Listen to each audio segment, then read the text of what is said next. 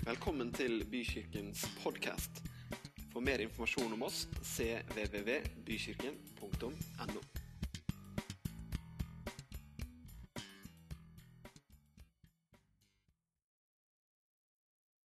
Herre, for at ditt navn er høyt over oss. At vi har noe som er over oss, at vi har noe vi kan komme til. At vi har noe som har frelst oss. Noe som gjør at vi slipper å prestere, at vi slipper å gjøre noe, Gud, men at du er det som har gjort alt for oss. Det er vi så utrolig glad for, Jesus. Tusen, tusen takk for at du har gjort det på akkurat den måten.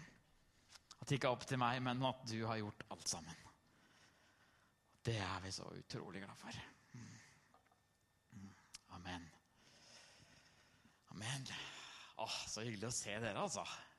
Dere, det er jo ikke alle som får oppleve det. Det er noen av oss som er på scenen hver søndag, og som ser utover den gjengen her. Og så tror jeg vi alle sammen tenker dette er en fin gjeng.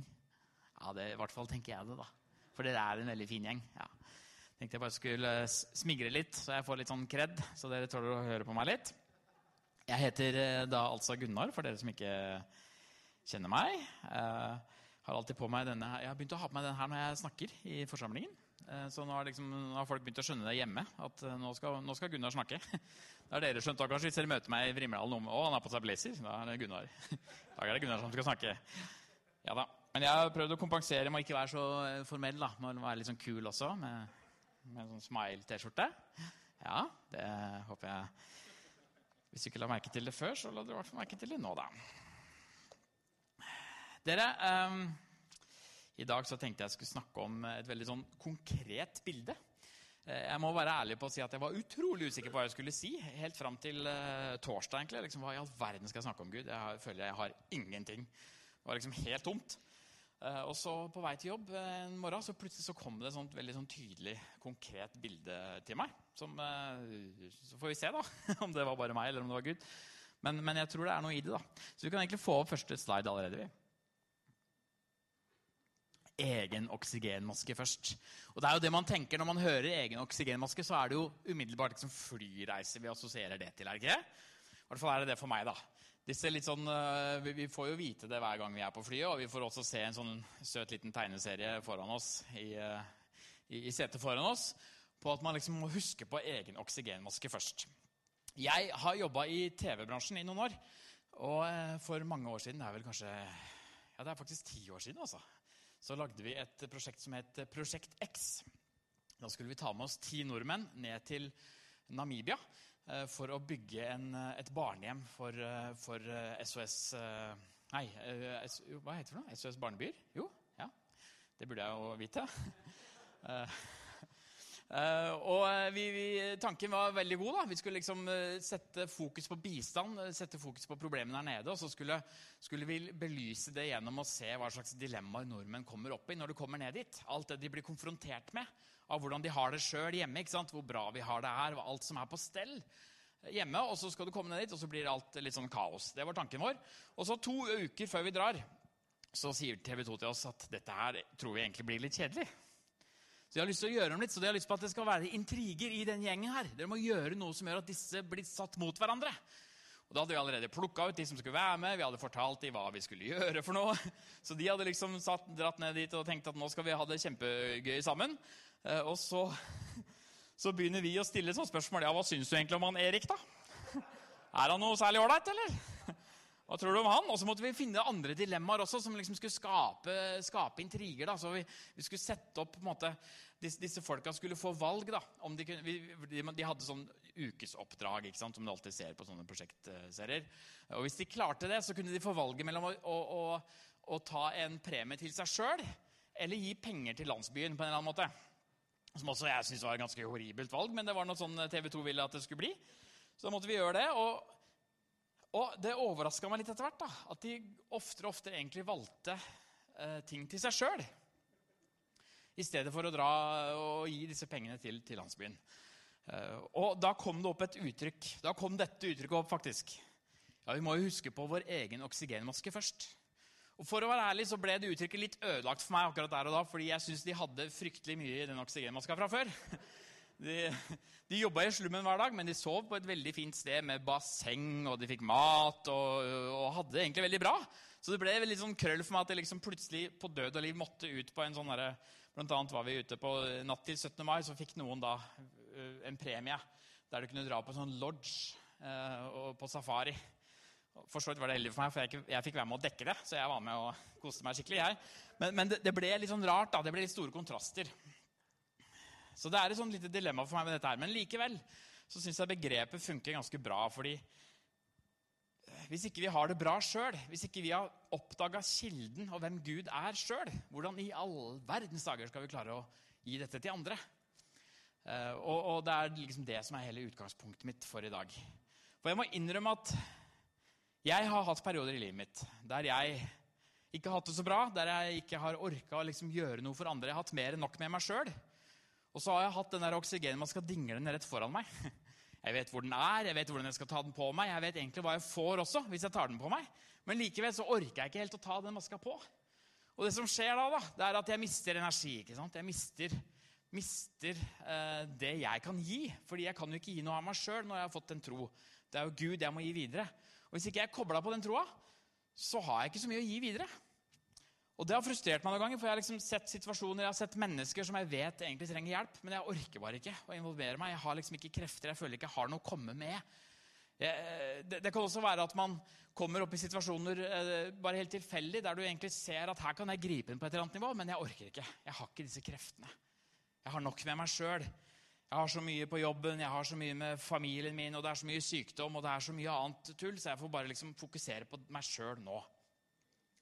Men da sitter jeg der uten en oksygenmaske, selv om den er tilgjengelig. Selv om den er der, selv om jeg kan bruke den hver eneste dag, så, så bare la den dingle foran meg.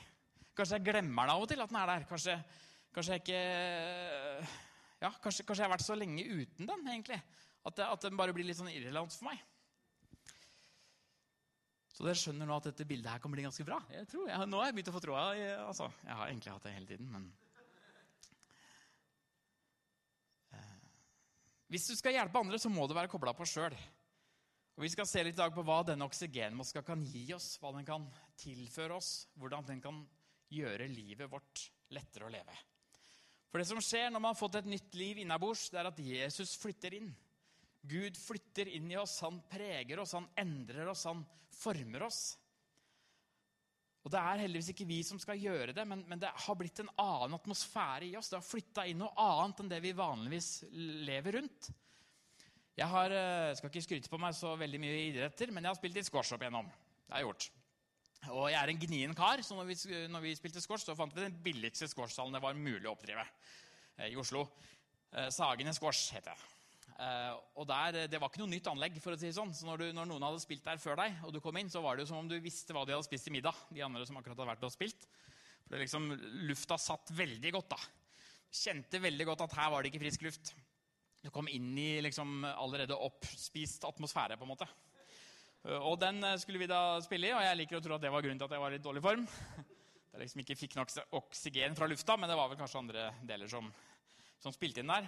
Men dårlig luft det preger oss. da. Hvis det er lite oksygen i lufta, så presterer du dårligere. Ikke sant? Det er ikke hvem som helst kan dra en måned på, på høydeopphold. Du må være godt trent for å tåle det, fordi det er mindre oksygen i lufta, og kroppen din klarer ikke å ta til seg det den trenger for å prestere. Så pust det er faktisk også en viktig metafor i Bibelen. Eh, I første Mosebok, allerede helt til å begynne med, så, så, så, så bruker de ordet pust til noe veldig sentralt i det å følge Gud, i det å tro på Gud. Da formet Herren Gud mennesket av støv fra jorden. Han blåste livspust i nesen på det. Og mennesket ble en levende skapning. Og På hebraisk så kan det ordet som er brukt for levende skapning, det kan også oversettes som sjel. Så det som gjorde at vi mennesker har sjel, det ble pusta inn i oss. Ånden ble pusta inn. Det er, det er et veldig kult bilde, altså. Så derfor så landa jeg, og når jeg fant ut det der, så tenkte jeg ja, da skal vi jammen beholde dette bildet her. Da skroter vi ikke det. Det første jeg tenkte jeg skulle si, da, var at du, tenk, du, du tenker ikke på oksygenet når du har det. Det er, en sånn, eh, det er veldig selvfølgelig også at vi har oksygen i lufta her nå. Det er ikke noe du liksom vurderer når du kommer inn. Skal dra til Bykirken i dag. Lurer på om det er noe oksygen der. Er det nok oksygen til alle som kommer? Ja, for Vi blir jo over 100 stykker. Hvor mye oksygen er det egentlig i rommet vi skal være i? Du legger ikke opp en sånn risikoanalyse på det. Du, du, du bare regner med at det er luft der. Du tenker ikke på at du puster heller. Det bare går helt automatisk, heldigvis.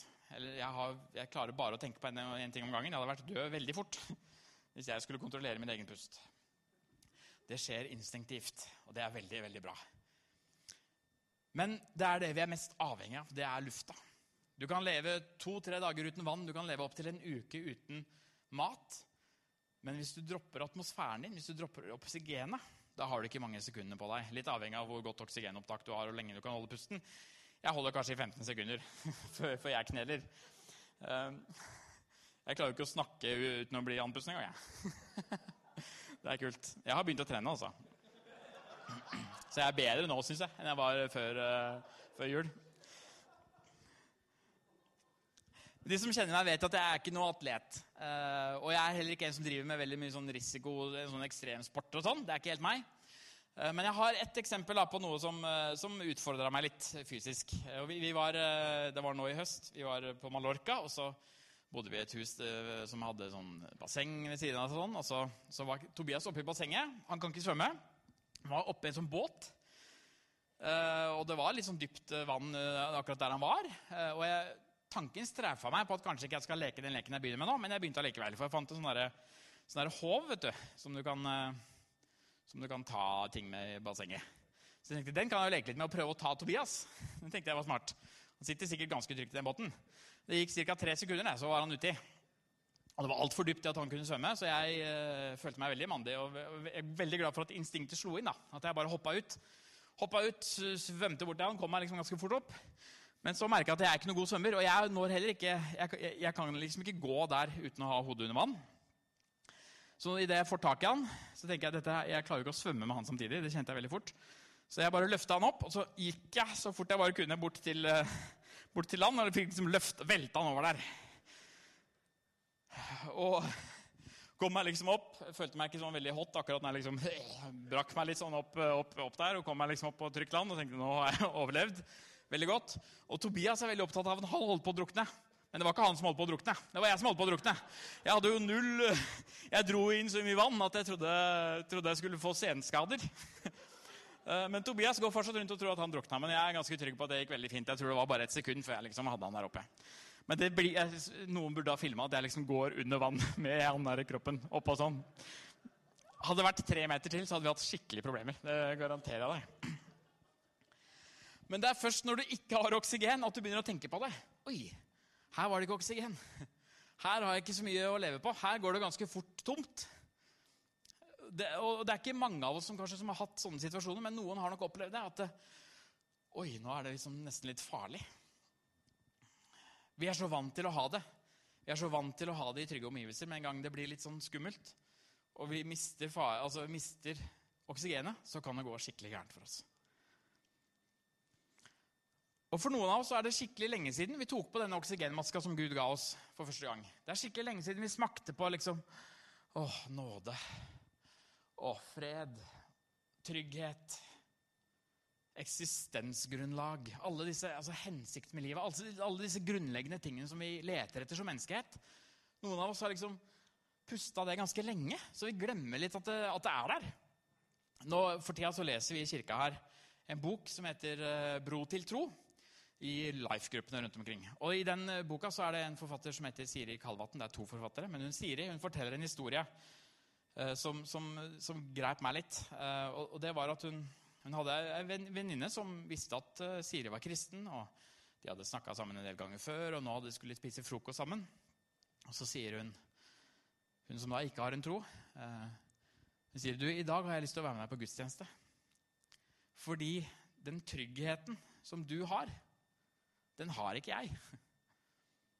Den tryggheten er ikke i mitt liv. Og den ser jeg at du har. Og den tryggheten hadde ikke Siri tenkt på på ganske lenge fordi den er så selvfølgelig for henne. Det er som oksygenet, da, som bare er der. Men for de som ikke kjenner på den tryggheten, for de som ikke har den basen i livet, det anker å holde fast på når alt mulig at går gærent, så er det som dugg for sola. Så, så, så, så forsvinner eksistensgrunnlaget, så forsvinner liksom årsaken til å leve helt. Vi som har en tro, og som er trygge på den troa, vi, vi har noe som, som, ikke andre mennesker har. Og det sier jeg ikke fordi vi er cocky, eller noe som helst, men vi har en oksygenmaske. Vi har fått noe fra Gud som gir oss trygghet på hvor vi er på vei, på hva som er det store bildet i livet. Og når vi er vant til det, så, så kan vi fort glemme det sjøl. Kan fort bli borte for oss.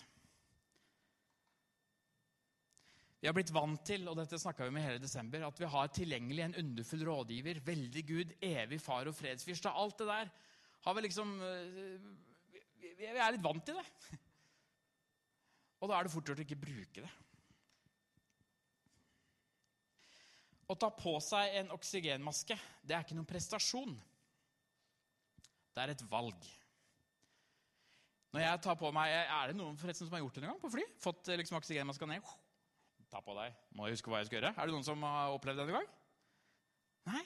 Det er veldig interessant, for det har jeg ikke fått noen statistikk på. Jeg tror det skjer veldig veldig sjelden. nemlig. Men, men det er ikke noe sånn derre det er ikke noe prestasjon å ta den på seg. Den kommer ned. ikke sant? Du skal bare få den strikken bak på hodet, du. Og så har du oksygenmaska på. Det er din jobb. Det er ikke noe prestasjon. Du må få informasjon om at den er der, og at den kommer ned. Men du, du trenger liksom ikke noe A til Z på hvordan du skal få det til. Det er bare å ta den på seg. Og sånn er det med kristentroa vår også. Og Der også baler vi det til litt. da Vi tenker kanskje vi skal blande til dette oksygenet litt sjøl. Vi må gjøre noe med denne blandinga. At, uh, vi, at vi, vi, vi, må jo prestere litt sjøl. Vi må jo gjøre en slags spesiell greie når vi skal ta på oss maska. Kanskje vi må legge oss ned eller opp eller sprette. akkurat når Vi altså vi må liksom legge til noe sjøl. For vi er så vant til det at dette skal vi ordne sjøl. Dette må jo vi fikse. Men den pakka er ferdig, den. Det er bare å ta oksygenmaska på seg. Så får du alt du trenger av Gud. Det er ikke noe du kan legge til. Og det er utrolig deilig at vi slipper å lage en oppskrift sjøl. At vi slipper å eh, finne ting, elementer, at vi må liksom bruke oss sjøl for å få dette her til. Vi trenger bare én ting, og det er et valg. Å ta på seg denne maska. Jeg velger å ta på meg maska.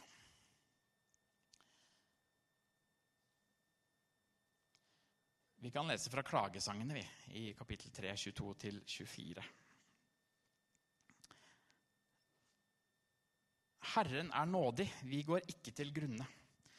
Hans barmhjertighet tar ikke slutt, den er ny hver morgen. Din trofasthet er stor. Jeg sier, Herren er min del. Jeg setter mitt håp til ham.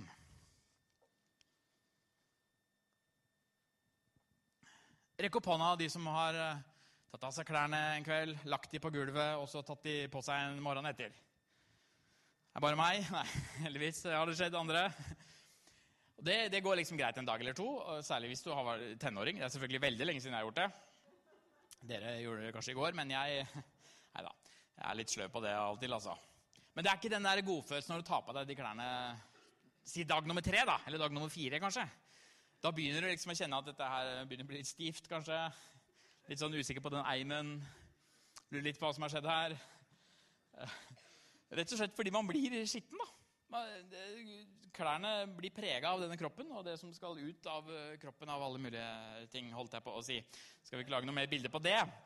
Eh, det var ikke med i notatene. Men eh, det blir litt ubehagelig. Vi føler oss ikke så freshe lenger.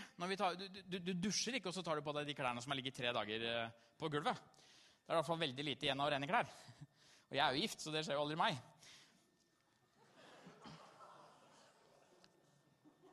Men det som er så fint med de klærne som Gud har, da, det er at de er nye hver eneste dag. Han sier at det er nytt hver morgen. Barmhjertigheten tar ikke slutt. Hver morgen er det nytt. Nåden, kjærligheten, barmhjertigheten. Den er like ny. Du trenger ikke gjøre noe heller. Du trenger bare å ta det på deg. Du trenger bare å kle på deg det Gud har gitt. Og så er det nytt. Det er friskt. Det er levende. Det er til stede, det er aktivt. Vi skal lese litt mer om dette å kle på seg noe fra Gud. Eh, og Det er ganske kjente vers fra Efeserne 6 og, og, og 13-18. Ta derfor på Guds fulle rustning, så dere kan gjøre motstand på den onde dag og bli stående etter å ha overvunnet alt. Stå da fast, spenn sannhetens belte rundt livet, og kle dere i rettferdighetens brynje. Stå klar med fredens evangelium som sko på føttene. Hold alltid troens skjold høyt. Men det kan dere slukke alle den ondes brennende piler. Ta imot frelsens hjem, hjelm og åndens sverd, som er Guds ord. Så det er ikke noe vi kan legge til her. Vi har fått sannhet, vi har fått rettferdighet, vi har fått tro. Vi har fått nåde, vi har fått et fredens evangelium. Hele pakka er gitt til oss. Det eneste vi trenger å gjøre, er å ta den på. Det oksygenet som Gud gir gjennom en oksygenmaske, det er alt vi trenger. Og det er så fundamentalt annerledes enn den atmosfæren som ligger rundt. Luft kan være fryktelig giftig. Det har vi alle opplevd. Men Guds oksygen kan rense alt. Så godt å ha noe annet å gå til, en annen kilde enn det vi ser i det daglige. Så godt å sette lit til noe annet enn seg sjøl og sin egen menneskelighet. Så fantastisk å bli opphøyd gjennom det Gud har gitt til oss. At vi har tilgang på denne sannheten. Vi leter etter sannhet som menneskehet i dag. Vi leter etter rettferdighet. Og det blir en stadig mer hard verden. Vi ser jo på en måte hvordan språk i eh, blogger, i kommentarfelt og alt sånt blir bare krassere og krassere. Og jeg har inntrykk av at terskelen for å liksom konfrontere direkte også blir kortere og kortere. Det, det, på en måte Før så var det liksom Jeg skjønte at det var lettere å skrive noe enn å si noe. Men nå har jeg inntrykk av at folk også lettere sier noe. Sier noe krass, sier noe negativt. Og, og det å ha noe annet å støtte seg til enn seg sjøl i denne verden i dag, det, det, tror jeg er helt essensielt for å kunne ha et godt, godt liv.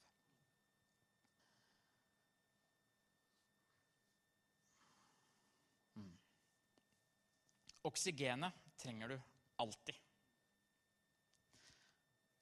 Og der kommer egentlig bildet mitt litt sånn til kort, da, fordi oksygenmaske gjør det litt sånn vanskelig å gå rundt.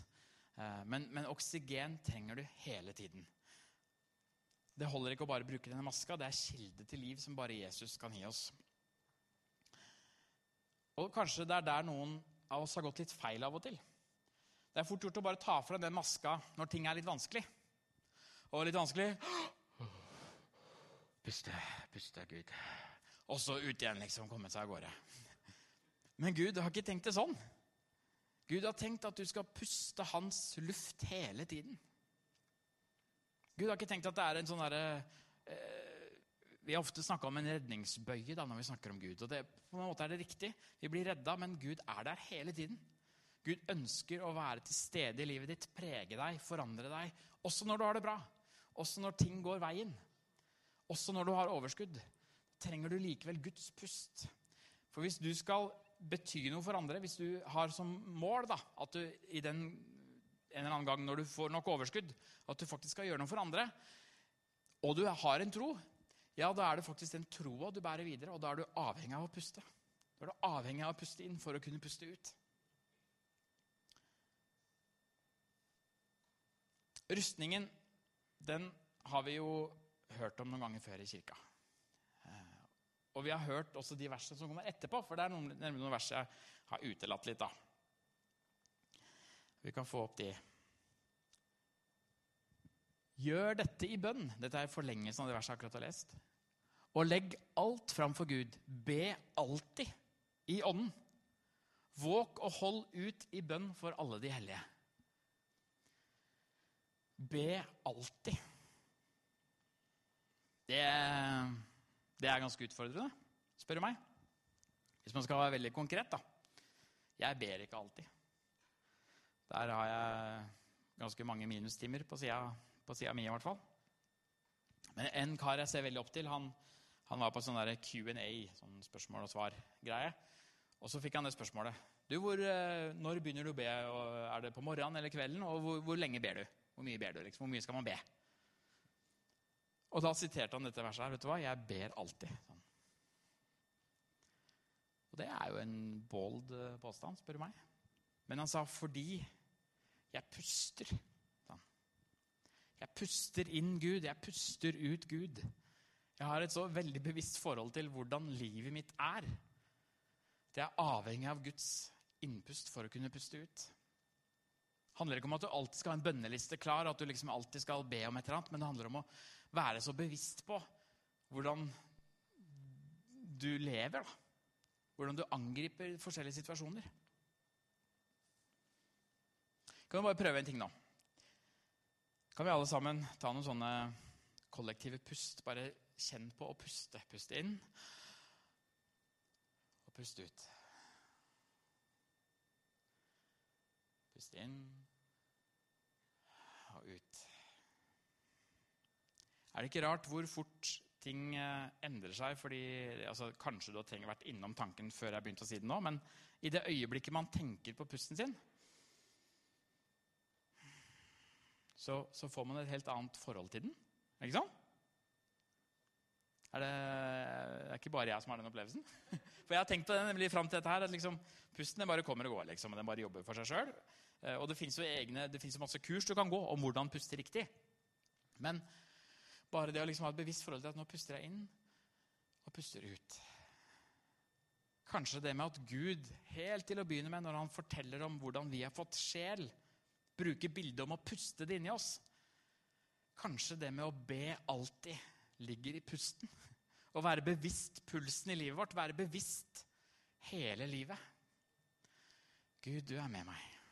Ha en bevissthet rundt livet. Nå er jeg her, Gud. Nå er jeg til stede i dette øyeblikket, Gud. Hva har du for meg her? Hva har jeg for andre på dine vegne? Hva kan jeg puste ut i denne atmosfæren?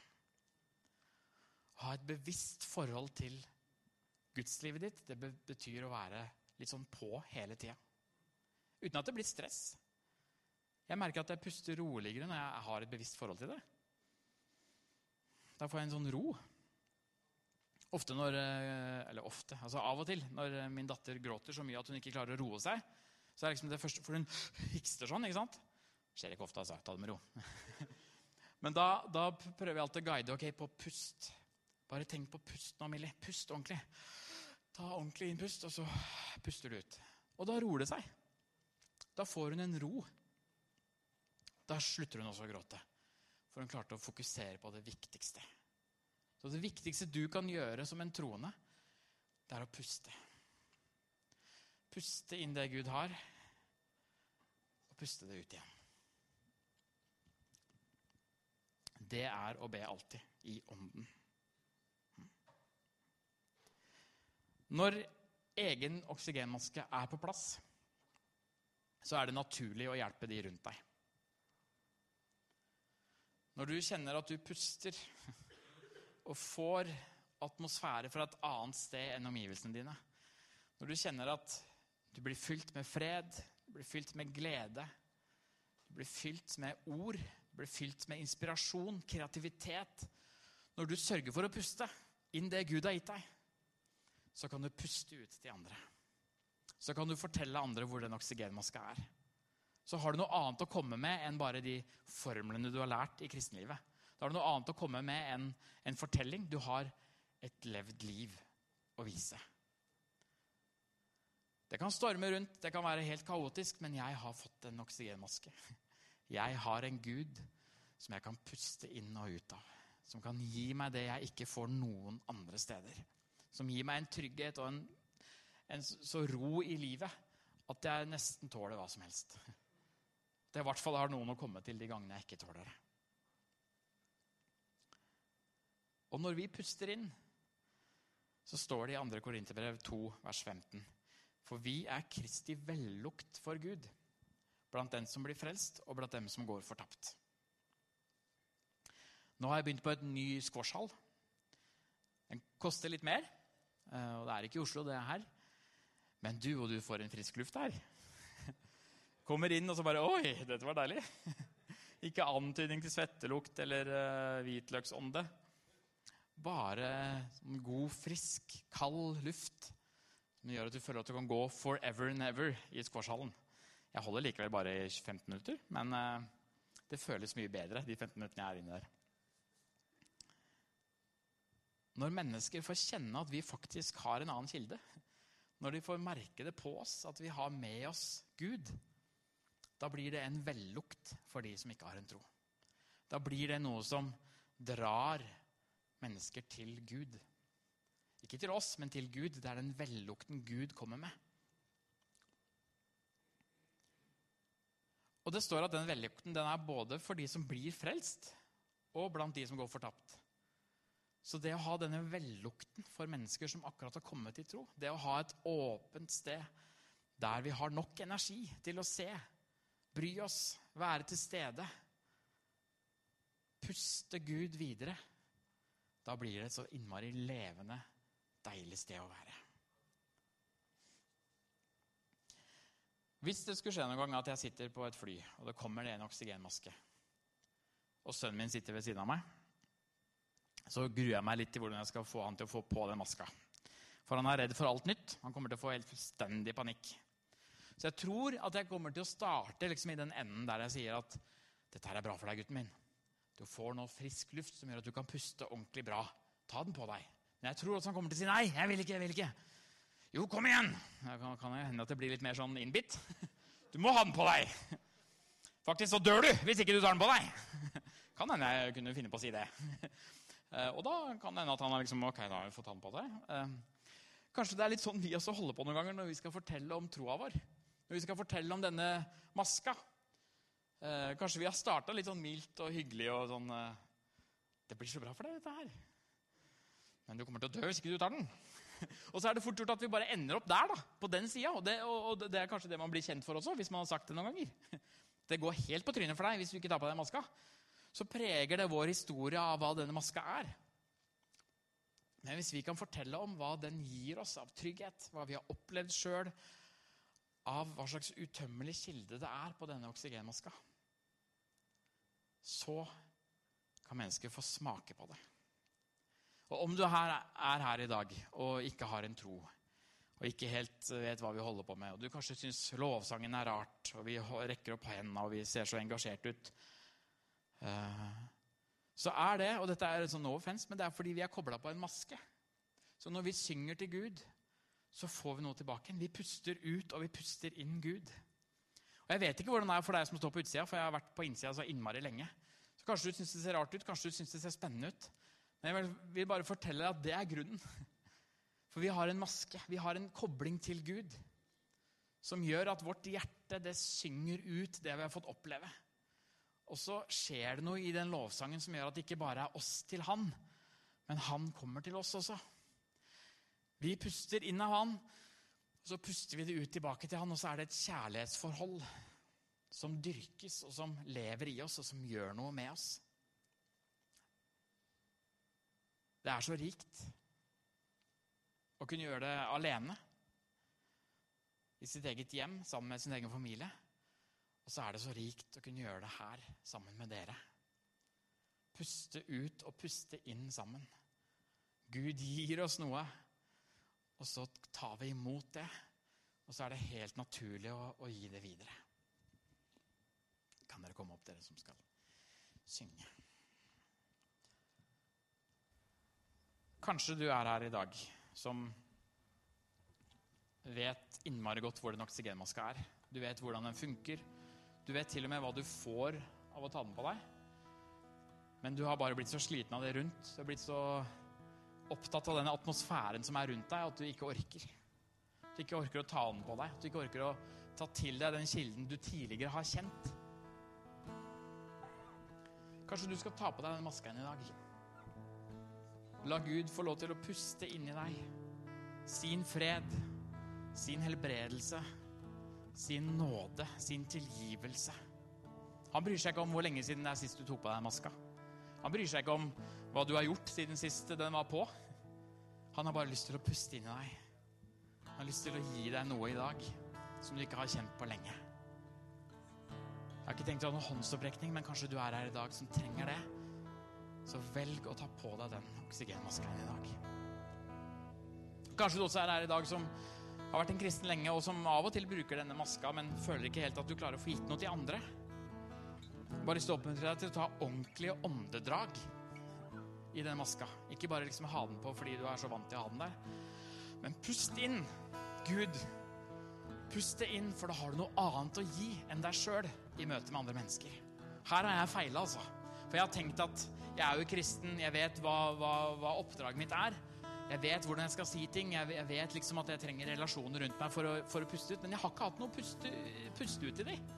For jeg har bare gått liksom i egen kraft. Jeg vet oppdraget og prøver å gjøre det. Men jeg har ikke noe annet å komme med enn meg sjøl. For at vi skal funke i kristenlivet uten at det blir stress og uten at det blir press, så må vi puste inn først. Vi må puste inn det Gud har gitt oss.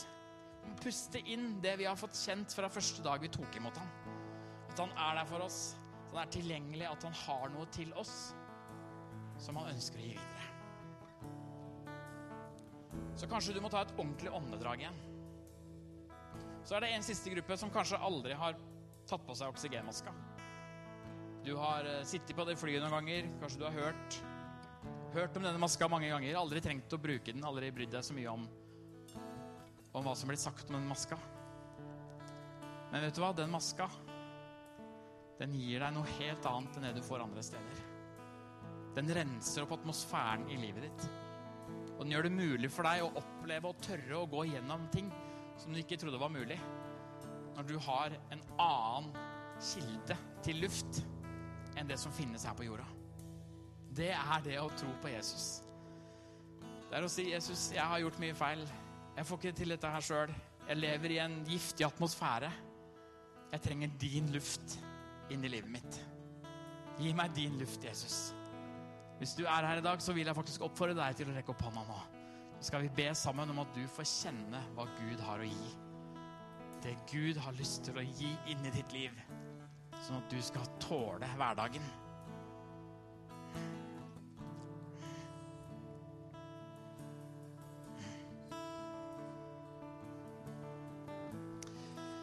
Takk, Herre, for at du er her nå. Takk for at vi fysisk kan puste inn din atmosfære. Puste inn det du har fra himmelen ned på denne jorda. Det er noe vi ikke klarer å fremkalle sjøl. Vi har ikke funnet de stoffene sjøl. Det er dine løsninger, Herre. Det er ditt ord. Det er din gjerning, Jesus, på det korset, som ga oss en annen atmosfære. Hjelp oss til å leve i det, Gud. Hjelp oss til å ta det inn i livet vårt. Til å forandre oss, sånn at vi kan puste fritt og godt og uten dårlig samvittighet. At vi kan leve åpne liv som gjør at den pusten vi får fra deg, er noe vi ikke bare må beholde sjøl, men faktisk orker å gi videre. Det er noe vi orker å puste videre til de som ikke har fått kjent på hvem du er. De som ikke har opplevd den velduften som du gir. Herre, hjelp oss til å leve sånne liv.